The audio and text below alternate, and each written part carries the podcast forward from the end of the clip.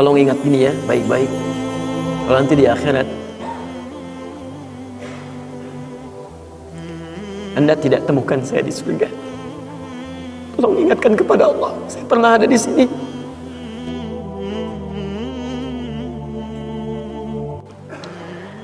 Qala Rasulullah sallallahu alaihi wasallam bersabda Rasulullah sallallahu alaihi wasallam fi marwahu Abu Sa'id Al-Khudri pada hadis yang diriwayatkan oleh sahabat Abu Sa'id Al-Khudri radhiyallahu taala anhu qala beliau menyampaikan qala Rasulullah alaihi wasallam sallallahu bersabda lihat kalimatnya bima makna lihat saya langsung ke ujung hadisnya saja karena ini cukup panjang sekali. Hatta idza khalasal muslimuna hatta idza khalasal mu'minuna minan nari. Sampai ketika orang-orang beriman diselesaikan urusannya dari neraka. Maksudnya hisab. Ya, saat dihisab dan dipisahkan nih orang beriman semua sudah masuk surga siap masuk surga semua ya. Yang buruk-buruk masuk neraka dah dah masuk ke neraka. Jadi kalau amalan anda misalnya 50,001 persen. Masya Allah. Maka anda masuk ke dalam surga insya Allah. Lebih banyak amal baiknya. Tapi kalau amalan jelek anda misalnya 50,001 persen. Amal baiknya 49,99 masuk ke mana? ke neraka. Walaupun cuma 001 persen.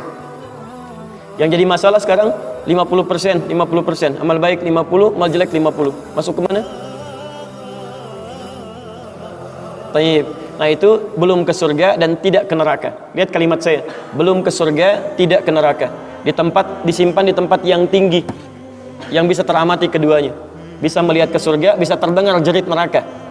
Kalau lihat udah nggak tega, udah nggak kuat ke neraka. Terdengar jerit neraka yaitu disebut dengan a'raf namanya tempat tinggi yang bisa melihat keduanya disebut a'raf ya, makanya ada Quran surah Al-A'raf Anda baca dari ayat 45-nya sampai dengan ayat ke-50-nya ada ashabul a'raf yang belum ke surga dan sangat ketakutan mendengar jerit-jerit neraka sehingga ingin mengharapkan rahmat Allah Subhanahu wa taala dia akan ditempatkan di situ di tengah-tengah nanti sampai selesai hisab begitu selesai hisab dia memohon rahmat Allah diberikan rahmat Allah baru kemudian dimasukkan ke dalam surga kalau hisabnya misalnya berlangsung selama sehari maka seribu tahun dia nunggu di situ Taib.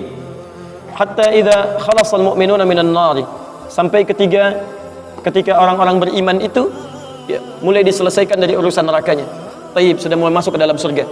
Ini sudah selesai mau masuk ke dalam neraka dan dimasukkan masuk semuanya. Apa yang terjadi? Ma minkum min ahadin bi ashaddi munashadatan lillahi fi istiqsa'il haqqi li ikhwanihi tayyib minal mu'minin lillahi minal mu'minin anda tidak akan temukan pada saat itu situasi saat orang-orang beriman akan masuk ke dalam surganya. Sementara yang neraka sudah dihukum di situ, sudah banyak yang dihukum, sudah macam-macam masuk, masuk, masuk, masuk. Ini sudah mulai mau selesai, tiba-tiba ada orang-orang yang mengadu kepada Allah Subhanahu wa taala, memohon dengan sangat. Nabi katakan Anda tidak akan pernah temukan orang yang paling banyak kuat permohonannya kepada Allah, memelas dengan tulus. Asyaddu munasyadatan. Munasyadah itu sesuatu yang dimohonkan dengan sangat. Ya Allah, mohon ya Allah mohon ya Allah fawalladhi nafsi biyadi. Sampai Nabi berkata maka demi Allah yang jiwaku ada di tangannya. Ini Nabi bersumpah dengan jiwanya. Tidak pernah ada kalimat dalam hadis ya. Kalimat seperti ini kecuali menunjukkan itu sangat serius. Ingat sangat serius. Dan ada sesuatu yang penting di dalamnya. Nabi serius menyampaikan ini. Kita jangan anggap bercanda gitu kan? Falladhi nafsi biyadi. Maka demi jiwaku yang ada di tangan Allah Subhanahu wa taala yang bisa diwafatkan kapan saja. Lihat kalimatnya. Fayaqulu maka mereka berkata fayaqulu. Maka mereka berkata ya rabbuna wahai rabb kamu wahai rabb kami yang tengah merawat kami di dunia memberikan kecukupan memaafkan kami mengampuni kami dan memberikan nikmat surga sekarang. Wa ya rabbuna ya rabbuna wahai rabb kami hum ashabuna. Mereka ada di antara teman-teman kami. Dalam kalimat yang lebih kuat kalimat yang menggunakan ikhwan. Kata ikhwan hum ikhwanuna Hum ikhwanuna. Mereka saudara-saudara kami ya Allah. Hum yasumuna ma'ana. Ada orang-orang yang berpuasa bersama kami saat di dunia. Yusalluna ma'ana. Kanu yusalluna ma'ana. Mereka salat bersama kami saat di dunia. Jadi tiba-tiba ada sekelompok ikhwan yang datang kepada Allah yang kehilangan saudaranya. Kok nggak ada di surga gitu kan? Ketika dia mau berangkat. Padahal dua punya cita-cita yang sama dan sebagainya, tapi karena bekalnya tidak cukup, sebagian ada yang masuk ke dalam neraka. Tiba-tiba mengatakan kepada Allah dengan permohonan yang sangat, Ya Allah, saya kehilangan saudara saya. Ya Allah, saya kehilangan saudara saya. Ya Allah, dulu kami puasa sama-sama. Ya Allah, dulu kami sholat sama-sama. Ya Allah, dulu kami ibadah sama-sama. Ya Rabb, kami tidak temukan dia di sini. Ya Allah, mohon terus mohon. mohon. sampai ketika puncak pada permohonannya tiba-tiba Allah berfirman akhriju man araftum hei para malaikat keluarkan orang yang dikenali oleh orang-orang ini yang disebutkan tadi keluarkan mereka dari neraka tiba-tiba dikeluarkan dikeluarkan dikeluarkan. Bertemulah orang-orang ini dengan temannya. Sampai Allah kemudian dengan rahmatnya katakan lagi akhriju akhriju man kana fi qalbihi mithqala dzarratin minal iman. Keluarkan sampai yang ada titik terkecil iman dalam hatinya keluarkan dari neraka. Bahkan hadis ini ada di Al-Bukhari nanti. Ya ada di Al-Bukhari nomor hadis ke-14 posisi paling kiri sebelah bawah. Ya tayyib. Sampai mereka kemudian dikeluarkan dalam keadaan gosong sudah mulai terbakar habis dan dimasukkan ke dalam surga kemudian. Setelah selesai hisabnya di dalam nerakanya dikeluarkan dari situ jadi ada orang-orang yang dengan syafaat temannya bisa keluar dari neraka masuk ke dalam surga ada yang sama sekali tidak membantu itu. Ya dosa-dosa yang begitu besar tidak bisa keluar dan kekal dia di dalam neraka. Walaupun dia merasa beriman kepada Allah tapi digugurkan keimanannya dengan ibadah-ibadah yang melanggar ketentuan Allah seperti syirik dan sebagainya.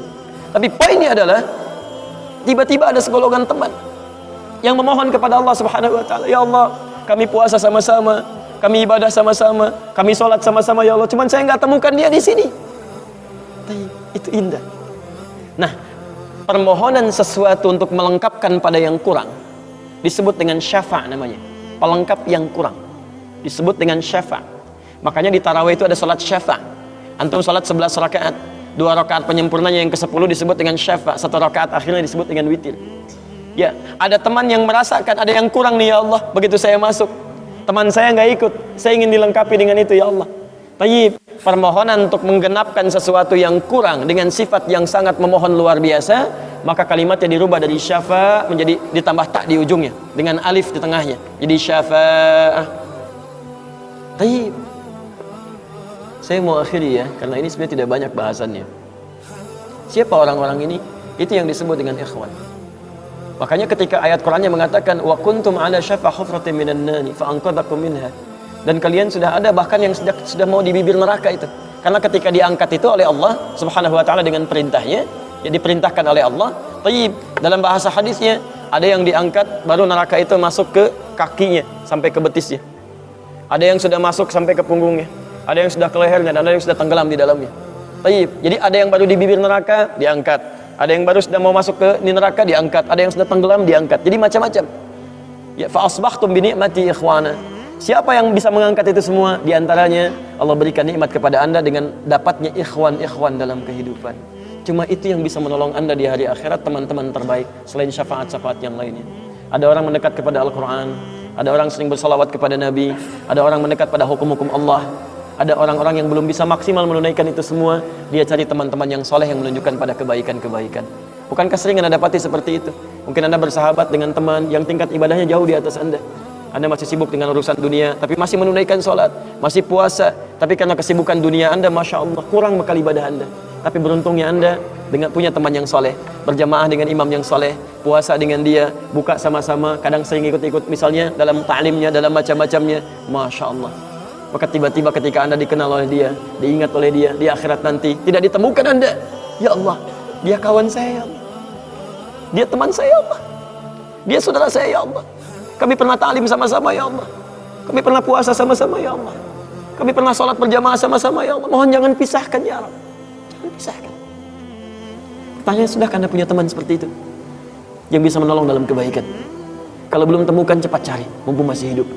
Sebab kalau sudah kehidupan itu berakhir, tidak mudah untuk menemukannya. Maka pastikan di kantor Anda, teman Anda bisa membawa Anda ke surga. Pastikan di rumah Anda, pasangan hidup Anda adalah teman yang bisa membawa Anda ke surga. Pastikan di tempat kehidupan Anda, siapa pun tetangga Anda, kerabat Anda, teman-teman sekolah anak Anda adalah teman yang bisa mengingatkan dan membantu Anda untuk mencari Anda bisa masuk ke dalam surga. Dan saya mohon pada anda semuanya Tolong ingat ini ya baik-baik Kalau nanti di akhirat Anda tidak temukan saya di surga. Tolong ingatkan kepada Allah, saya pernah ada di sini. Saya pernah ada di sini. Tolong ingatkan. Kalau antum di akhirat nanti tidak temukan saya di surga, tolong ingatkan. Ya Allah. Mohon ya Allah. Adi Hidayat pernah mengajar saya dan mengingatkan saya di sini. Ya. Subhanakallahumma wa bihamdika asyhadu an la ilaha illa anta astaghfiruka wa atubu ilaik. واخر دعوانا الحمد لله رب العالمين. السلام عليكم ورحمة الله وبركاته.